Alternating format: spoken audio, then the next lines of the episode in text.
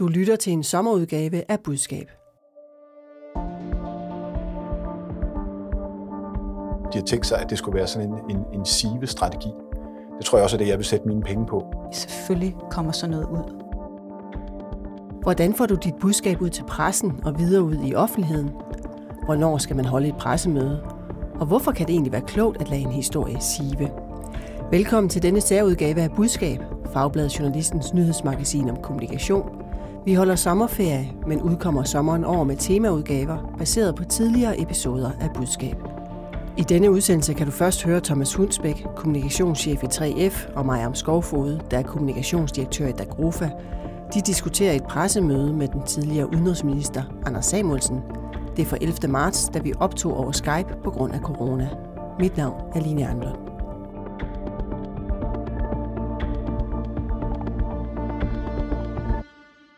Thomas Hundsbæk, er det egentlig svært at lave et øh, vellykket pressemøde? Øh, ja, det er det. Du er kommunikationschef hos 3F og tidligere mangeårig rådgiver hos blandt andet De Radikale. Velkommen til, også selvom det er online her i uh, corona et år efter. Maja med Skovfod, vil du anbefale et pressemøde som kommunikationsplatform, hvis nu uh, din virksomhed skulle ud med et nyt produkt? Nej. Velkommen. Du er kommunikationsdirektør hos Dagrofa og blandt andet også tidligere kommunikationschef hos øh, SAS. Danmark, og så sidder du og griner, og vi skal nok få uddybet de her svar lige om lidt, fordi det skal nemlig handle om pressemødet først. Vi skal se på et pressemøde, der har vagt opsigt i denne uge, og særligt undren på Twitter. Virksomheden UV Medico holdt et online pressemøde om en ny UV-lampe til bekæmpelse af blandt andet corona. Direktør i firmaet er den tidligere leder af Liberal Alliance, Anders Samuelsen, mens pengemanden Lars Seier er investor. Begge deltog i pressemødet, hvor også virksomhedens forskere forklarede om deres opfindelse. I dag er vi her af følgende årsager.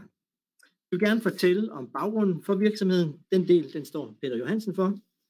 Så vil vi præsentere et vigtigt bidrag til bekæmpelsen af covid-19. Et produkt, der endda tager udgangspunkt i en dansk Nobelpristagers opdagelse for mere end 100 år siden. Og vi vil ved hjælp af de forskere, som også er til stede her i dag, redegør for vores produkt, for hvordan det virker og hvilke yderligere perspektiver vi ser foran os. Ja, sådan lød det blandt andet, og de fysiske rammer omkring pressemødet var et studie i Indre København. Baggrunden var sort. En fladskærm med slides lyste op, mens de fem deltagende mænd i pressemødet stod omkring et bord, alle med mundbind. Pressemødet øh, genererede omtale af det nye produkt i flere medier, også på Twitter, hvor Ekstrabladets journalist Brian Weikart skrev – at, nu citerer jeg, mærkelighedsforskere vil tale om det pressemøde i 100 år. Og så, øh, inden, du får et spørgsmål, Thomas Hundsbæk, så skal jeg selvfølgelig lige sige, at jeg har arbejdet sammen med Anders Samuelsen. Øh, det gjorde jeg i min tid som pressechef i Liberal Alliance. Det var fra 2017 til juni 2019, bare så det er på plads. Men Thomas Hundsbæk, øh, du griner af Brian Weikarts opdatering. Hvorfor?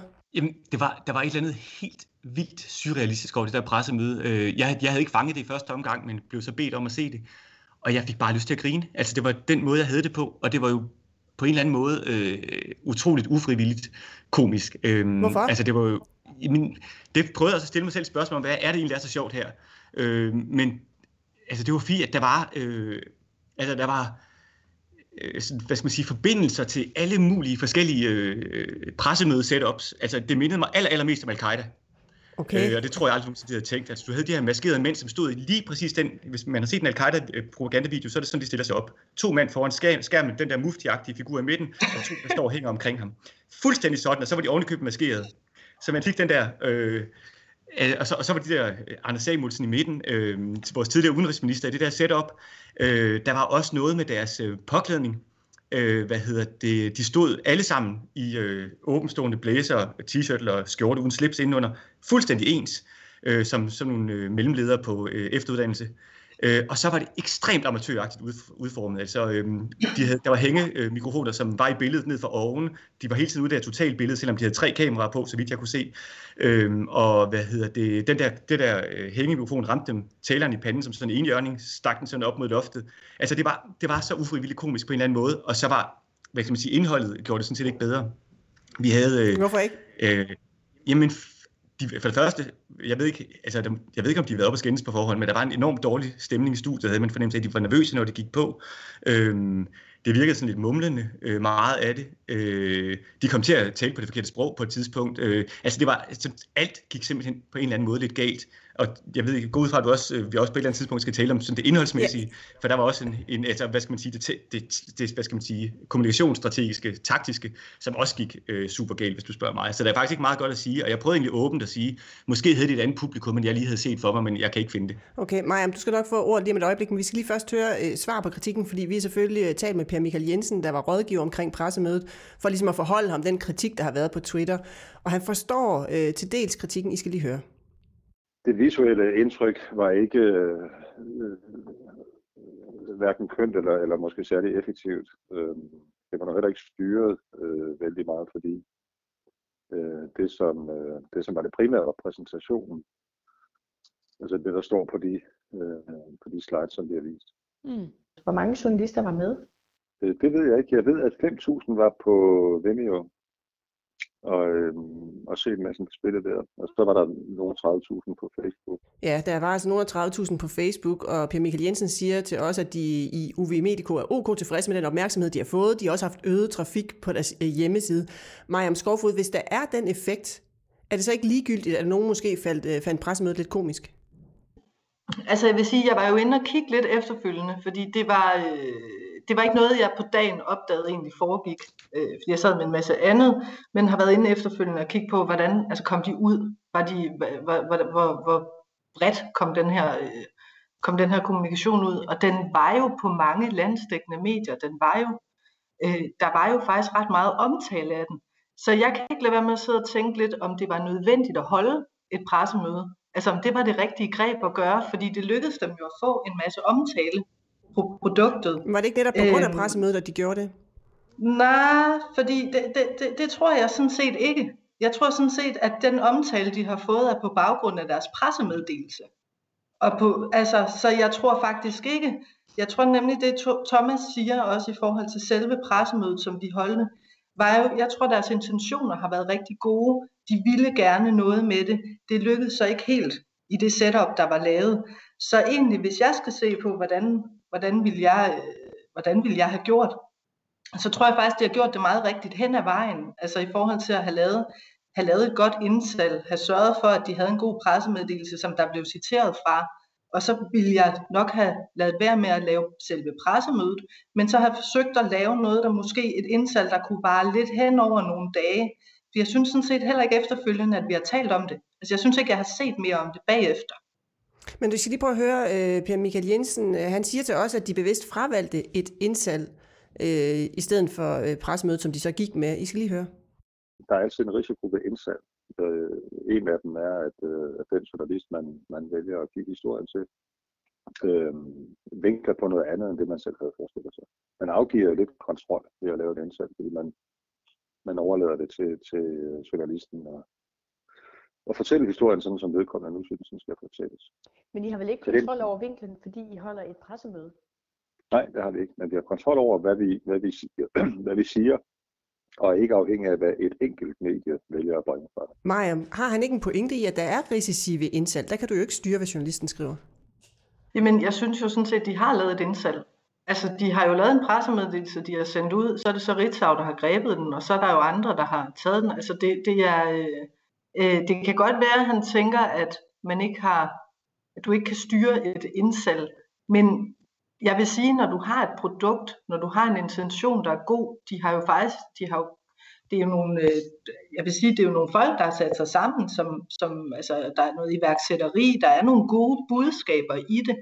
Så jeg kan, ikke, jeg kan ikke forstå, hvis de har været bekymret for egentlig at lave et indsalg, som Per Michael her, han nævner det. Jeg vil sige, at det stadig er et indsalg, fordi de er jo lykkedes med at få deres pressemeddelelse ud mange forskellige steder. Der har jo været meget omtale af det.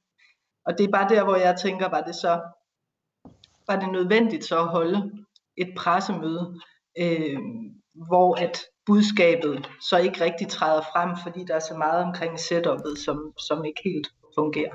Thomas, hvad siger du til den kritik om overhovedet at vælge et pressemøde? Jamen, jeg er fuldstændig enig. Altså, jeg synes, en af de ting, man man skal på pressemødet, at man skal være meget, meget opmærksom på, hvad det er, man vil have ud af pressemødet.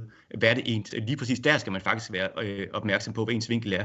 Og det, de gør, synes jeg, øh, stik modsat, hvad Pierre Michael siger, det er jo, at de åbner fuldstændig op. Jeg sad og prøvede at tælle, hvor mange vinkler jeg kunne finde i deres pressemøde, øh, som de jo selv styrede. Øh, der fandt jeg syv.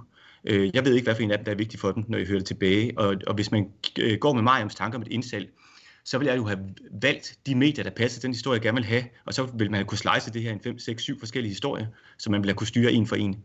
Øh, det, de gør med det her pressemøde, det er jo, at de giver en fuldstændig bred bane til dem, der måtte sidde og lytte med. Jeg tror ikke, det var mange.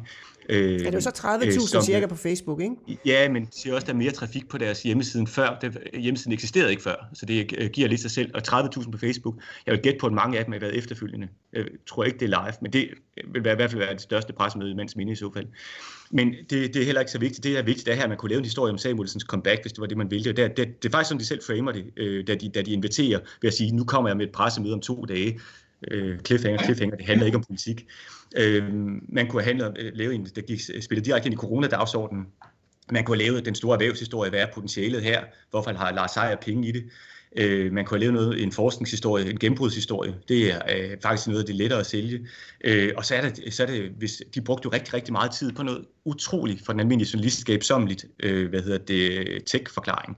Øh, det ville ingeniøren eller andre måske kunne have grebet. Så man kunne simpelthen have slicet den her til forskellige publikum øh, meget, meget bedre. Man kunne styre det meget, meget bedre, de vinklinger, som man var bange for at skulle stikke af, ville man kunne styre meget, meget bedre ved at sælge direkte ind, end ved at indkaldt til et pressemøde uden en vinkel. Men, men Maja, vil din holdning være anderledes, hvis nu det havde været et vellykket pressemøde? Hvis nu vi havde siddet her og ros pressemødet, vil du så stadigvæk have sagt indsat?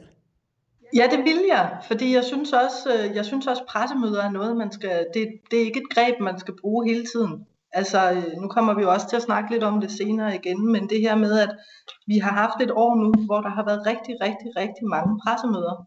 Altså, øh, og ja, der kan godt komme en mæthed i, pressemøder. Jeg vil også våge den påstand uden at have tal på det, men at der nok var mange flere, der så med i starten, når der var de her pressemøder, end, end dem, der, der ser det nu, fordi det også bliver den samme kommunikationsform. Det bliver meget informerende. Det er meget sat op i en bestemt ramme.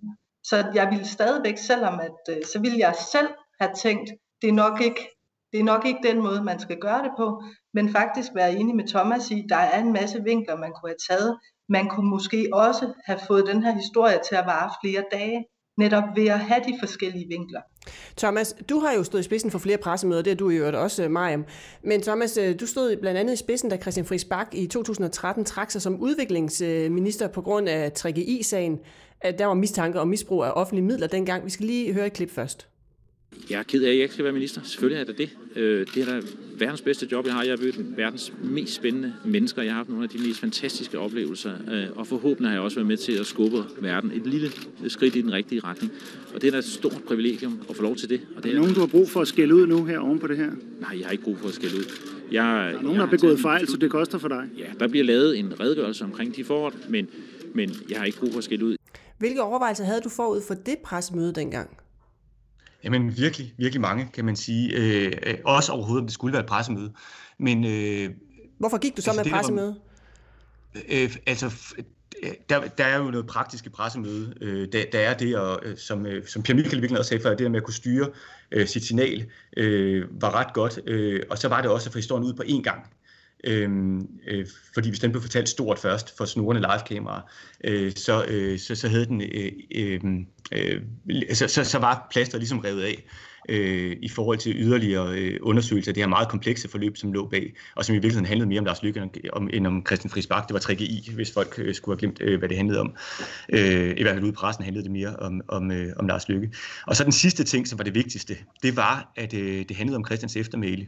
Og øh, øh, han havde, var villig til at påtage sig ansvaret. Og hvis man er villig til at påtage sig et ansvar, så kan man faktisk gerne gøre det alene. Øh, det øjeblik, du spreder det ud på andre, så, øh, så øh, øh, er du ikke troværdig, når du siger, at du påtager dig det. Så det er meget øh, vigtigt at lave et, et nøgen setup, hvor Christian stod op, øh, som han havde lyst til, øh, og tog det, øh, hvad hedder det, uden at være flankeret af andre. Øh, han skulle stå alene, øh, han skulle ikke øh, være ved et bredt bord, han skulle ikke have, som minister tit har, øh, være flankeret af en anden, en støtteperson, en anden fra regeringen, en embedsmand øh, og han skulle, øh, hvad hedder det, og det skulle også være lidt upompøst. Øh, det var i Udenrigsministeriet, det foregik, og de er jo vant til at lave ting, der er lidt mere pompøse, øh, med nogle gange med statsledere, hvor der opsat sig og blomster og sådan noget. Det her skulle være meget, meget nøgen, så staging var sådan set også øh, ret centralt for at det budskab om, at øh, jeg tager ansvaret øh, på mig, øh, jeg har begået en fejl, det er mig, der har gjort det, øh, og nu tager jeg den fulde konsekvens, at det kom til at stå øh, så rent, som det overhovedet kunne, uforstyrret. Så du spillede på ydmyghed, eller hvad? Altså, det lyder på mig, som om du har valgt ja. en ydmyg ramme, ja. øh, en ydmyg position for ham.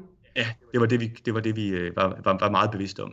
Målet for ham var jo kommet godt øh, afsted. Øh, han var, øh, det, der var hans sådan, øh, hvad skal man sige, personlighed i offentligheden, det var, at han var meget troværdig øh, minister, som ikke gik så meget efter øh, de lette point, øh, men efter det hårde arbejde.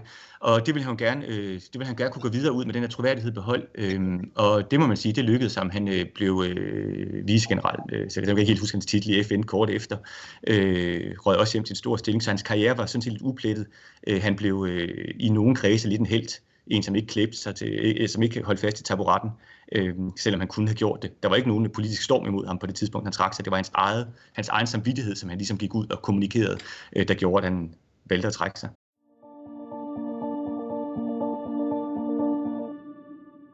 Nu kan du høre Asbjørn Havstrup, direktør i Radio CBH, og Trine Krohmann Mikkelsen, kommunikationsdirektør i Demand. De diskuterer regeringsstrategi, da nyheden om et muligt udrejsecenter i Rwanda sivede. Den del er fra 12. maj. Nu skal vi se nærmere på en opsigtsvækkende historie, der har fyldt mediebilledet de seneste uger. Den 28. april lagde Udenrigsministeriet i Rwanda et foto ud på Twitter og takkede to danske ministre, Flemming Møller Mortensen og Mathias Tesfaye for et fint møde. Flemming Møller Mortensen er udviklingsminister, Mathias Tesfaye er udlændinge- og integrationsminister. Historien om det mystiske besøg bredte sig til danske medier, og Udenrigsministeriet bekræftede senere samme aften i en pressemeddelelse, at de to ministre havde besøgt Rwanda og var blevet enige om at indgå samarbejdsaftaler om gensidig interesse i et tættere asyl- og migrationssamarbejde. Ugen efter offentliggjorde Udenrigsministeriet så en form for samarbejdsaftaler. I den ene af regeringens vision om et asylcenter uden for EU nævnt, og samme dag sagde Mathias Tesfaye, og her er det fra den 5. maj. Den danske regering har en ambition om et mere retfærdigt asylsystem, og det forudsætter, at vi finder et partnerland uden for EU. Og vi har præsenteret vores idé for mange regeringer, øh, også for Rwandas regering. Men hvad de konkrete samtaler handler om, der bliver nødt til at være lidt øh, hemmelig, i hvert fald et stykke tid nu. Ja, et stykke tid endnu, siger han, han må være hemmelig. Trine Krohmann Mikkelsen. Jeg har oprigtigt talt i tvivl, om regeringen har styr på kommunikationen her, eller om regeringen ikke har styr på kommunikationen. Altså, det starter med et tweet fra Rwanda, og så bliver vi andre opmærksom på sagen. Hvad er din vurdering? Min vurdering er, at de har styr på det. Og det Hvorfor? er planlagt. Øhm, hvis jeg, hvis, altså, når jeg ser på det udefra, og, og med mine briller på, på kommunikation, så virker det som om, de har taget en procestilgang til det her. Øh, hele området, asylområdet, integrationsområdet, er vældig svært. Øh, og vi kan også se lige nu, at der er mange sager, øh, børnene i Syrien, møderne i Syrien, der er øh, hjemsendelse til øh, Damaskus. Øh, der er mange svære sager i øjeblikket på det her område. Det er der altid, men det er der også lige nu. Så kommer med en, en ny sag på området, selvom det er en politisk intention, selvom det er noget, man gerne vil, men ved, man faktisk nok også har ret god opbakning i øvrigt, så kan det være en god idé. Og øh, jeg ved ikke, om man kan sige, at de lister den ud, men man tager en meget forsigtig, vi kalder, i, i det kommercielle verden kalder vi det et soft launch. Altså man lancerer noget lidt forsigtigt, fordi man er interesseret i at se, hvad sker der, når jeg lancerer? Hvad sker der, når jeg begynder at tale om det her emne? Hvordan reagerer mine stakeholders på det? Så det, og det tror jeg bevidst, de har gjort. Øh, det, det er i hvert fald det eneste, jeg kan se, der giver mening, og ellers så er de altså så vil det andet svar være, at så er de ikke så skarpe, fordi selvfølgelig kommer sådan noget ud. Asbjørn, har den danske regering ønsket det tweet fra Rwanda, tror du? Altså, jeg, jeg, jeg, jeg tror, der kan, være, der kan være tre grunde til, at det ender, som det gør, øh, eller det, det ser ud, som det gør. Øh, den ene grund er selvfølgelig den, Trine giver, at de har styr på det, og de har tænkt sig, at det skulle være sådan en, en, en sive-strategi. Det tror jeg også er det, jeg vil sætte mine penge på. Øh, den anden grund kan være, at man har taget, øh, hvis jeg bare tænker tilbage på tiden i Udenrigsministeriet, i virkeligheden et hensyn til værtslandet at det er det, der gør, at man ikke kommunikerer så voldsomt øh, fra start. fordi værtslandet måske ikke har ønsket en herskare af, af, af danske journalister derned med alle hånde spørgsmål om menneskerettigheder og, og forskellige ting og sager, så har man taget det hensyn. Men selvfølgelig ved man, de tweeter, og Flemming Møller Mortensen går jo, som jeg husker det, også på tv dernede, det er han vel også klar over. Så, så, så, så det ved man godt. Øh, om man har haft fuldstændig styr over det, det får vi nok aldrig at vide. Men det korte og det lange er vel, at, øh, at hvis man kigger på det med regeringens øh, synsvinkel, så står den her sag i virkeligheden meget godt. Altså det kan godt være, at undfangelsen var lidt øh, mystisk, og der var arme og ben til alle sider, men babyen er blevet pæn. Altså regeringen ligner en regering, der vil det her, der arbejder på det. Der er mange, der har sagt, at, øh, at det vil man gøre. Øh, nu, øh, nu ser det ud, som om de faktisk slås for det. Og så tror jeg, der er en sidste ting i, i puljen, og det er noget med forventningsafstemning. Altså, det er super svært, det de har gang i her. Og øh, øh, den her type aftale, som de har indgået, den her MOU, det er jo, havde jeg sagt, det laveste niveau af aftaler, man Ja, det er memo- Memorandum of... of understanding. Ja. Ikke? Altså, det er jo bare en, en intention om en intention. Så hvis man havde spillet den for hårdt, så kunne man være blevet kritiseret for øh, øh, at, at have trumfet øh, det her, før der i virkeligheden var en trumf. Øh, nu spiller man det meget, meget blødt, og så øh, kan alle folk se, at man vil det her, og man slås for det, og det er svært. Ja, for- ja, for nu og siger du- så står man meget godt. Nu, nu bruger du begrebet baby blev pæn, mm. øh, trods alt. Det har jeg så ikke hørt før. Men, men, men, men Trine, hvad tror du, der var sket, hvis man ikke var gået ud med en soft launch? launch? Jeg går ud fra det modsatte, det så må være hard launch på en eller anden måde. Eller? Ej, det er sådan, så, ja, så kalder man det stor lancering. Ikke? Det kunne for eksempel være, at man lavede sådan en rejse, og man inviterede en rigtig, rigtig mange med, og øh, havde en, en politisk pakke og hængte op på, hvad ved jeg. Øhm, Hvilken effekt vil det have haft? Jamen, det ville jo have haft den effekt, at rigtig mange, øh, øh, både kritikere, men også øh, øh, øh støtter af forslaget, vil begynde at undersøge og kunne stille ekstremt mange kritiske spørgsmål til det, og, øh, og øh, forstyrre øh, altså med netop den der stille og rolige udformning af, hvordan babyen skulle se ud. Øhm, det, altså, det er jo ikke et, altså Rwanda har jo en historie øh, med borgerkrig og, øh, og mange forfærdelige historier omkring, hvad der er sket med mennesker dernede. Øhm, hvis man begynder at pille i det og stiller kritiske spørgsmål ved det lang tid før man har sagt, hvad er det egentlig, vi vil, så har du fra start af en lidt sværere sag. Så, så når man har noget, man er virkelig stolt af, og man rigtig skal ud og sige, at man er helt tjek på, at den her skal lande på den her måde, så vil man lave det der store splash. Men når man er ikke helt sikker på, hvordan skal det her egentlig lande, så er det det der memorandum of understanding, som vi også bruger i, i øh, forretningsverdenen til at øh, indgå øh, aftaler med samarbejdspartnere. Ikke? Nu sagde du lige før, at Flemming Møller Mortensen jo var på afrikansk tv, øh, fordi mens vi her i Danmark har haft svært ved at få øh, regeringens øh, folk til at forholde sig til historien med Rwanda, det er jo hemmeligt, som øh, Mathias Desvej siger, øh, så fandt de på Danmarks Radio frem til et klip med netop Flemming Møller Mortensen fra afrikansk tv. Han taler på engelsk, I skal lige høre. We are focusing a lot to Africa, and we have seen that Rwanda is an innovative country, and I think we will have very good collaborations in the future. Ja, han siger altså, at Rwanda er et innovativt land, og vi kan have et godt samarbejde i fremtiden. Som du siger, så må han vel have vidst, at det her det havnet i Danmark på, på et eller andet tidspunkt. Hvordan tænker du, det spiller ind i strategien, hvis det er en strategi at lade det hele sive? Jamen, jeg, jeg tror, det er en, øh, en sive-strategi. Altså, jeg tænker præcis som Trine. Hvis de havde lanceret det her hårdt, så var folk blevet skuffet over, at man ikke kom hjem med noget mere. Nu øh, lancerer de det meget, meget blødt, eller de lancerer det næsten ikke. De lader det sive, og så bliver man positivt overrasket over, at der har været en hemmelig mission med to ministre til Afrika. Vi bliver ved med at sige Afrika, det er egentlig meget øh, usympatisk, når det er Rwanda, øh, øh, hvor, hvor, øh, hvor, hvor, øh, hvor de prøver at, at lande det her stykke politik, som de er gået til valg på. Så jeg, jeg tror, at, øh, at det er, jeg tror, det er fuldstændig med vilje, at de kører det på den måde. Men du sagde jo også indledningsvis, da jeg spurgte dig, har man styr på en historie, hvis man lader den sive? Og der sagde du sådan, nej, det har man jo ikke helt. Hvordan får regeringen så styr på den her historie? Jamen på et tidspunkt, så er det jo så sådan, at, øh, at den er, er sevet så meget, at, at der måske er brug for at hegne den ind, og så kommer der den der klassiske udenrigsministerielle pressemeddelelse om aftenen, der ligesom sætter rammerne og siger, det, det er det her, vi har aftalt, hverken mere øh, eller mindre. Og hvis man læser Udenrigsministeriets pressemeddelelse, så er den, øh, præcis som sådan nogen ofte er, meget, meget svær at få greb om. Der står ikke rigtig noget andet end sådan en masse øh, diplomatiske hensigtserklæringer. Det samme som, som Flemming Møller Mortensen sidder og siger på det her tv, sådan nogle generelle vendinger om, at øh, de gør det godt, og det bliver godt i fremtiden, og, og, og den slags ting og sager. Og så kan man ikke være beskyldt, så kan man ikke beskyldes for at være lukket, så har man øh, ligesom sagt, at det, det er her, den ligger. Ikke? Men du har været i Udenrigsministeriet som særlig rådgiver for Martin Lidegaard, da han var udenrigsminister. Har du nogensinde været med til at lade noget sive over for det ministerium? Nej, det har jeg faktisk ikke.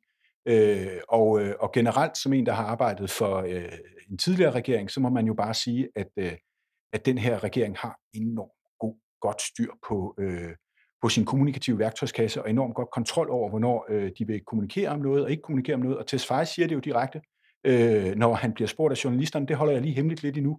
Og der, der har tidligere regeringer og kommende regeringer meget at lære. Nej, jeg har aldrig været med til at lade noget sive. Men det har du, Trine, ved jeg. Ja, det har Hvornår jeg. har det givet mening for dig? Jamen, øhm, Altså her taler vi så ikke politik, men nej, øh, virksomhed, nej, ikke? Ja, øhm, jamen jeg har både i forbindelse med håndtering af kriser, øh, hvor man gerne vil påvirke historien i en retning, øh, så har jeg øh, forsøgt øh, at øh, kan man sige, øh, få nogle historier ud, som øh, ikke nødvendigvis skulle sendes ud som en pressemeddelelse, men hvor man lige tager fat i en journalist og siger, vi har jo øvrigt gjort det her, kunne det ikke være øh, interessant? Hvad er det for eksempel?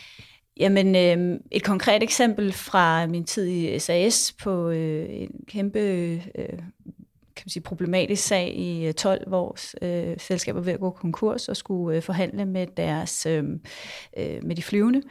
Der, øh, der gør man det, når, når et, et selskab er i vanskeligheder, så sender man øh, kontanter med ud med de flyvende, fordi øh, man kan risikere, at man ikke kan tanke, når man kommer ud. Øhm, og det er sådan, altså, det er ganske almindelig Folk praksis, ikke? igen. Ja, øh, så det gjorde vi. Øh, men man kan sige, at gøre det sender jo også et signal om, at det er vanskeligt. Virksomheden står i en vanskelig situation. Så den historie øh, var selvfølgelig interessant at få ud. Øh, så, øh, så, så da vi havde gjort det og sendt dem afsted med kontanter, så synes vi, det kunne da være meget godt, hvis der var nogen, der ville dække den historie. Men I gik ikke ud med den. Nej. Hvordan læggede du den så? Hvad gjorde du helt konkret? Så tager man jo fat i nogen, man kender, og siger, vi har lige gjort sådan her. Ja, det er interessant, ja. Og så spørger de jo rundt og spørger andre, og er det rigtigt, og gør man sådan, og ja, det gør man. Jeg har også det modsatte, kan man sige, hvor man, hvor man har den der store sag, man gerne vil ud med. Øh, det mand, hvor jeg nu øh, har indgået aftale med Philips om at lave deres høreapparater. Øh, og da vi skulle lancere det, så, så konkurrerer vi faktisk lidt med vores egne mærker, øh, men, men det kunne også skabe noget øh, utryghed i markedet, at vi gik ud med den historie. Så der var det lidt vigtigt for os at komme ud med den i, i, i små skridt, så vi ikke gik ud og lavede den her kæmpe nu, og sådan her ser høreapparaterne ud. Men først havde vi det der MOM, Memorandum, MOU, Memorandum of Understanding, som vi fortalte, nu har vi lavet det, og så næste skridt er så, nu bliver vi mere konkrete, hvad er indholdet. Så det, det er egentlig, jeg synes ikke, der er noget, der er ikke noget fordækt eller øhm, hemmelighedsfuldt i det. Nu måske til Sverige føler sig lidt hemmelighedsfuldt, men, men som virksomhed er det bare en måde at sige, at vi, vi, vi bliver nødt til at tage nogle små skridt. Ja. Ja, men kan man give et godt råd om, hvornår er det så en god idé at lade noget sive, Asbjørn? Ja, altså det kan man nok godt. Øh, det er det jo, øh, når, når, når, når man ikke selv vil være sådan hovedafsender på, på historien, men man i virkeligheden gerne vil stå et sted, hvor det ser ud som om, at, øh, at det er nogen andre, der har fået øje på det og kommer og spørger. Og for fuldstændighedens skyld, så skal jeg måske lige sige, at nu lød det som om, at, øh, at der aldrig var noget siveri i politik. Altså politik er jo en lang siveøvelse og spørgsmål om, hvem der framer, hvad der, hvad der foregår på forhandlinger og alt muligt andet. Så det er en stor siveøvelse, men der hvor jeg, der, hvor jeg aldrig har oplevet, det er sådan et officielt statsbesøg, som man lader sive, med mindre at, øh, at, at det er sådan hemmelige ting, eller man tager ud til farlige missioner eller, eller andet. Det har jeg aldrig oplevet, men ellers er der jo masser af siveri i politik. Trine, nu gav du nogle eksempler på, hvornår du lader noget sive, men kan du give et godt råd til folk derude om, hvornår man skal lade noget sive? Jamen, man skal jo ikke lade noget sive, hvis det ikke har noget på sig. Så hvis vi, øh, øh, den historie i SAS, hvis den, hvis den ikke havde noget på sig, så var det jo et spin-forsøg. Her var det en, en, en historie blandt mange historier om, hvad der skete lige de der. Det var syv dage i vanvittige øh, forhandlinger og modvind og, og, og forfærdelig situation, at vi stod med et nationalt flyselskab, som måske stod over for en konkursscenarie. I, i, i den situation, så, så, må, så, skal, så bliver det belyst fra mange sider. Så hvis man oplever, at en sag ikke bliver belyst tilstrækkeligt, øh, men, men, men det ikke egner sig til at være en pressemeddelelse eller en stor lancering, eller hvad ved jeg, så kan det jo være en god idé. Det gør man jo generelt også med positive nyheder. Øh, jeg ved ikke, om man kan kalde det SIV, men der tager man jo fat i nogle journalister, der siger, hvis, hvis du får den her historie alene, øh, og dækker den. Øh, kunne det være interessant for dig? Og, og, og det er jo en form for også at lade gode nyheder sive ud på en måde, som ikke øh, nødvendigvis har sådan en stor lancering omkring sig. Så det, bliver jo ofte brugt sådan mere eller mindre sådan reaktivt eller proaktivt.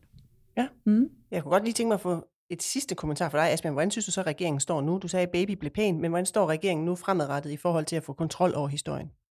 Jamen, altså, jeg, jeg synes, at de har fået i virkeligheden det optimale ud af den her historie, og en meget god lakmustest på det er jo, at, at, øh, at det kritikerne kører på, det er sådan noget proces. Jeg øh, lagde mærke til, at øh, Markus Knudt for eksempel var ude, og han havde ingen øh, substantielle kommentarer til det, de havde haft gang i øh, dernede, men han var sur over, at han ikke var blevet øh, orienteret i udenrigspolitisk nævn først.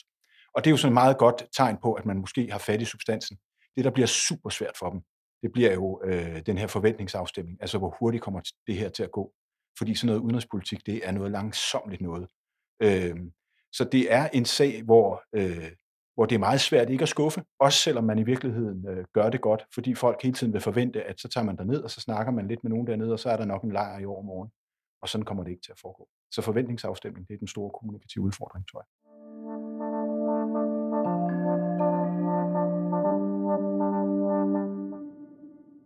Og nu til sidste emne. Her kommer Trine Krohmann Mikkelsen igen, men nu i selskab med Henrik Kjermgaard, der er stifter af White Cloud. De taler om, hvornår det er klogt at plante et spørgsmål i pressen, efter statsministerens pressesekretær lykkedes med netop det. Afsnittet er fra 24. juni. Vi skal videre til dagens sidste emne. Det er et trick, som flere kommunikationsfolk måske har benyttet sig af, nemlig at placere idéer eller spørgsmål hos pressen. Først et ja-nej-spørgsmål. Trine Kromand Mikkelsen, har du plantet et spørgsmål hos en journalist, så du ikke var afsenderen, men journalisten var afsenderen? Nej. Henrik Jamgaard, ja eller nej? Yep. Det har du? Ja. Spændende. Vi skruer nu tiden tilbage til et pressemøde, der fandt sted under nedlukningen af Danmark sidste år. Vi skal tilbage til 6. marts 2020, hvor Sundhedsstyrelsens direktør Søren Brostrøm og statsminister Mette Frederiksen afholdt et pressemøde. Brostrøm sagde, at det ville være en god idé at undlade kramme for at mindske smitten med covid-19. Skal vi ikke lige høre, hvordan det lød dengang? Og så bare lige et opklarende spørgsmål. Må man stadig give hinanden hånden? Må man stadig give hinanden et kram, når man mødes? Søren får lov til at give svaret, men det er et nej. Det er en anden... altså jeg vil sige, Sundhedsstyrelsen kommer ikke at kontrollere borgernes adfærd, men det vil være en klar anbefaling fra vores side for sundhedsmyndighederne, at vi nu i vores samfund holder op med at give hånd, Hold op med at give kram, hold op med at give kys. Ja, Brostrøms udsagn vagte dengang stor opmærksomhed. I denne uge er det så spørgsmålet bag, der har fået det. For det viser sig nemlig, at det var pressesekretær i statsministeriet, som plantede spørgsmålet hos en journalist, fordi hverken Mette Frederiksen eller Søren Brostrøm havde lyst til at være afsender på budskabet om slut med kram og kys. Det er forfatter anne Sofie Krav bag en ny bog om statsminister Mette Frederiksen, der står bag afsløringen. På folkemødet på Bornholm i sidste uge blev hun interviewet og fortalte således til Altinget. Først så prøvede en af rådgiverne at sende sms'er rundt til de øh, journalister, der sad inde i, øh, i lokalet, men de så ikke på deres telefoner, fordi de var optaget altså, pressemøde. Det, det, det, det lyder som en scene fra borgen, det her. Altså, så under et pressemøde, der står der en presserådgiver og sender sms'er til journalisterne og siger, stil lige det her spørgsmål til statsministeren. Ja. Og det lykkedes så ikke. Og så øh, fik de fat i, øh, der var en pressesekretær, der fik fat i en konkret journalist og spurgte, kan du ikke spørge om det? Ja, Henrik Hjermgaard. Er det smart tænkt? Nej. Hvorfor det, ikke? Det er dumt tænkt. Hvorfor? Fordi det er ligegyldigt. Altså, fordi pointen er, at det er ligegyldigt. Altså, jeg, jeg, jeg, for mig der er det sådan lidt et udtryk, når øh, politiske rådgiver begynder at spille for meget skak, og lege for meget politik, og lege for meget borgen, og lege for meget house of cards. De, sidder, de må have haft en eller anden idé om, det skal Mette Frederiksen virkelig ikke sige. Ikke? Og Søren Brostrøm har så åbenbart ikke vil sige det. Der tænker jeg også lidt sådan, at det er sådan lidt mor og far, der går og skændes, og ikke kan finde ud af at påtage sig deres ansvar. Men det er jo dumt, fordi historien kommer frem. Det er jo der, fordi hvis jeg sidder og kigger nu for det første, hvis du har spurgt mig for en uge siden, jeg ville simpelthen ikke kunne huske, hvem af dem, der sagde det. Øh, og det vil sige, de har jo siddet og tænkt på, om i morgen vil vi ikke have sådan nogle overskrifter i avisen, hvor Mette bliver citeret for at sige, hvor jeg også har det sådan for det første, hvorfor det? Hvorfor det er dårligt? Øh, og altså igen, der er jo ikke nogen, der kan huske det over tid. Altså det er ligegyldigt. Man bruger en masse energi og kræfter på at lave noget, som at de ændrer det, der er ligegyldigt. Og fordi det viser sig at være ligegyldigt, så bliver det så en historie, at man har gjort det. Og nu sidder vi og griner lidt af det, ikke? Men spørgsmålet blev stillet. Det var jo ellers ikke blevet stillet, så var det ikke meget smart, Trine? Jo, men det havde nok været mere smart bare at sige det. Øhm, og det kan man jo også sige nu i, i, i alt det skidt og møg, de var nødt til at sige i ugerne, månederne, år, øh, året her bagefter, virker det jo totalt øh, irrelevant, at man ikke kan sige, at nu må jeg lige stoppe med at give hånd. Øhm, altså, øh, ja, jeg synes heller ikke, at, at taktikken er super elegant. Øhm, om, så kan man jo diskutere, hvad skulle journalisten have sagt? Ej, jeg stiller altså mine egne spørgsmål, eller var det meget rart lige at få et tip om øh, noget, en vej, man kunne gå? Øhm, jeg har selv oplevet øh, journalister, der spørger mig, har du nogle gode idéer til, hvad jeg skal stille spørgsmål om? Det har du vel så, tænker jeg. Ja, det har jeg da i høj grad. det, så kommer der masser frem. Øh, øh, så så øh, det er jo, ja, jeg synes, jeg synes selvfølgelig ikke, det er super elegant. Øh, var det ikke kommet frem, havde der ikke nogen været hæftet sig ved det. Nej, vi skal lige prøve at høre, fordi her på budskab, der vi talt med journalisten bag spørgsmålet. Hun hedder Signe Vestergaard, er mangeårig Christiansborg-reporter og arbejder for børsen. Jamen altså, jeg kan godt bekræfte, at det var fordi, jeg blev opfordret til at stille det. Øhm, altså, jeg blev direkte opfordret af en pressesekretær til at stille spørgsmål om, hvorvidt man måtte give hånd eller kramme. Og altså, grunden til, at jeg valgte at tage det med, det var, at jeg dels var, dels var jeg faktisk enig i, at det ikke var kommet så klart frem, at det klokkeklart ligesom var frarådet. Øhm, så jeg synes, det var et relevant nok spørgsmål. Men det handlede også om, at jeg fik det indtryk, at det øh, havde at gøre med en form for folkeoplysning. Altså, at myndighedernes anbefaling ikke stod klart nok, og at det var vigtigt, det ligesom kom frem. Og i og med, at jeg også selv vurderede, at det var et okay relevant spørgsmål, så øh, skulle jeg jo træffe en beslutning på ganske få sekunder, og så øh, tænkte jeg, det spørger jeg om. Har du oplevet før, at der kommer en pressesekretær hen og øh, opfordrer dig til at stille et spørgsmål? Nej, aldrig nogensinde. Altså hverken før eller siden. Det er helt, helt usædvanligt. Har du aldrig før prøvet, at der er rådgiver, der forsøger at få dig til at stille bestemte spørgsmål? Altså det sker, at jeg får sms'er, hvis jeg deltager på et pressemøde, hvor folk kan se på fjernsynet, at jeg er med. Så sker det faktisk er til, at jeg får sms'er, men så er det jo fra andre partier eller fra interesseorganisationer, hvor det sådan, der er det jo nemt at gennemskue, hvorfor de mener, at jeg bør spørge om et eller andet, og det kan man jo bare lade gå ind af det ene øre ud af det andet. Øhm, men det her med, at det er en pressesekretær for den person, der står og holder pressemødet, altså det har jeg simpelthen aldrig oplevet før. Ja, det var altså en helt ekstraordinær situation, som Signe Vestergaard siger, og i dag kalder hun det faktisk en fejl, at hun gik med på spørgsmålet. Med det, der så er kommet frem nu via Anne-Sophie Krav, så virker det jo nærmest, som om jeg er blevet brugt i noget, der sådan er en slags manipulation eller et magtspil, og i det lys var det en fejl at gå med til det. Fortryder du, at du stillede spørgsmålet? Altså, jeg vil i hvert fald gerne sige, at jeg synes, det var en fejl. Jeg synes måske, fortryder, det er sådan... Det, altså, jeg ved ikke rigtig, hvad jeg skal bruge det til, om jeg fortryder det, men altså, jeg vil i hvert fald gerne sige, at det var en fejl med det, der er kommet frem nu, fordi det virker som om det her indtryk, jeg fik af, at det handlede om folkeoplysning, at det egentlig slet ikke var det, der var den bagvedliggende grund. Og derfor så, så virker det jo som om, jeg er blevet brugt i noget, der er en form for magtspil. Ja, her hører vi altså journalistens øh, egen udlægning af det. Øh, Henrik Hamgaard, du har jo haft en gang på Christiansborg i mange år, og du sagde, du selv har prøvet at få placeret et spørgsmål hos pressen. Er det så i sådan en situation, eller det her? Bortset fra, at det ikke handler om corona selvfølgelig på det tidspunkt. Jeg vil lige sige, at jeg, jeg synes ikke, Signe har grund til at fortryde noget, eller øh, har gjort noget forkert. Altså hun har fået et, man kan også kalde det inspiration til et spørgsmål, og det har hun så vurderet var et relevant spørgsmål. Det er jo hendes i virkeligheden journalistiske funktion. Hvis hun havde synes det var irrelevant og dumt, og hun så havde stillet det, så kunne man så sige, hun har gjort det. Så jeg synes ikke, hun har gjort noget forkert. Jeg synes stadigvæk, altså det fjollede er igen, det er jo et budskab, som Mette eller Søren, Mette Frederiksen eller Søren Brostrøm, bare kunne have sagt. Og det er det, jeg synes, der er det, det spøjse underfundige ved det her.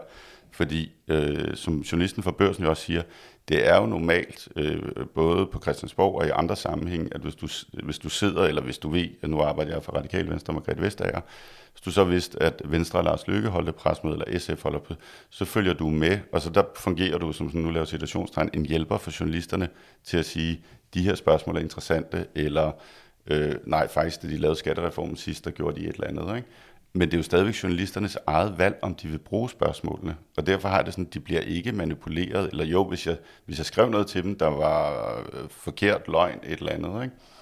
Øh, så det mener, det er, sådan, det er en del af det, der foregår. Altså, at du, ligesom journalisterne jo også, som, som Trine siger, nogle gange kommer til dig og siger, hvad er nyheden i den tale, eller er der, hvor ligger det spændende henne?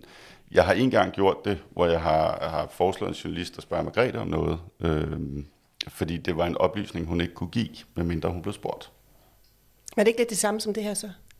Jo, men det var, altså der kan man sige, det er jo, sådan, altså det er jo på den, forstået på den måde, at vi havde en interesse i, at hun blev spurgt om det spørgsmål, og så giver vi det spørgsmål, men det er jo igen journalisten, der selv bestemmer, om de synes, det er et interessant spørgsmål.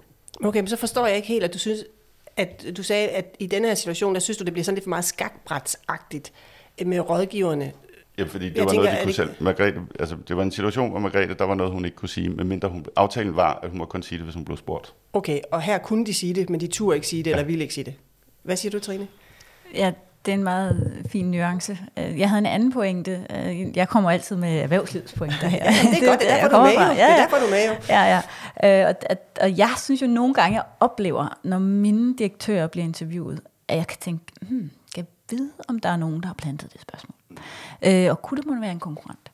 Øh, så det tror jeg da også, at der er nogen, det er ikke min stil at gøre. Jeg, jeg, det, det ligger ikke sådan, jeg har jo en stil som kommunikationschef og presserådgiver for en stor virksomhed. Det er ikke min stil at øh, sige til journalister, jeg synes, I skal spørge vores konkurrenter om det her.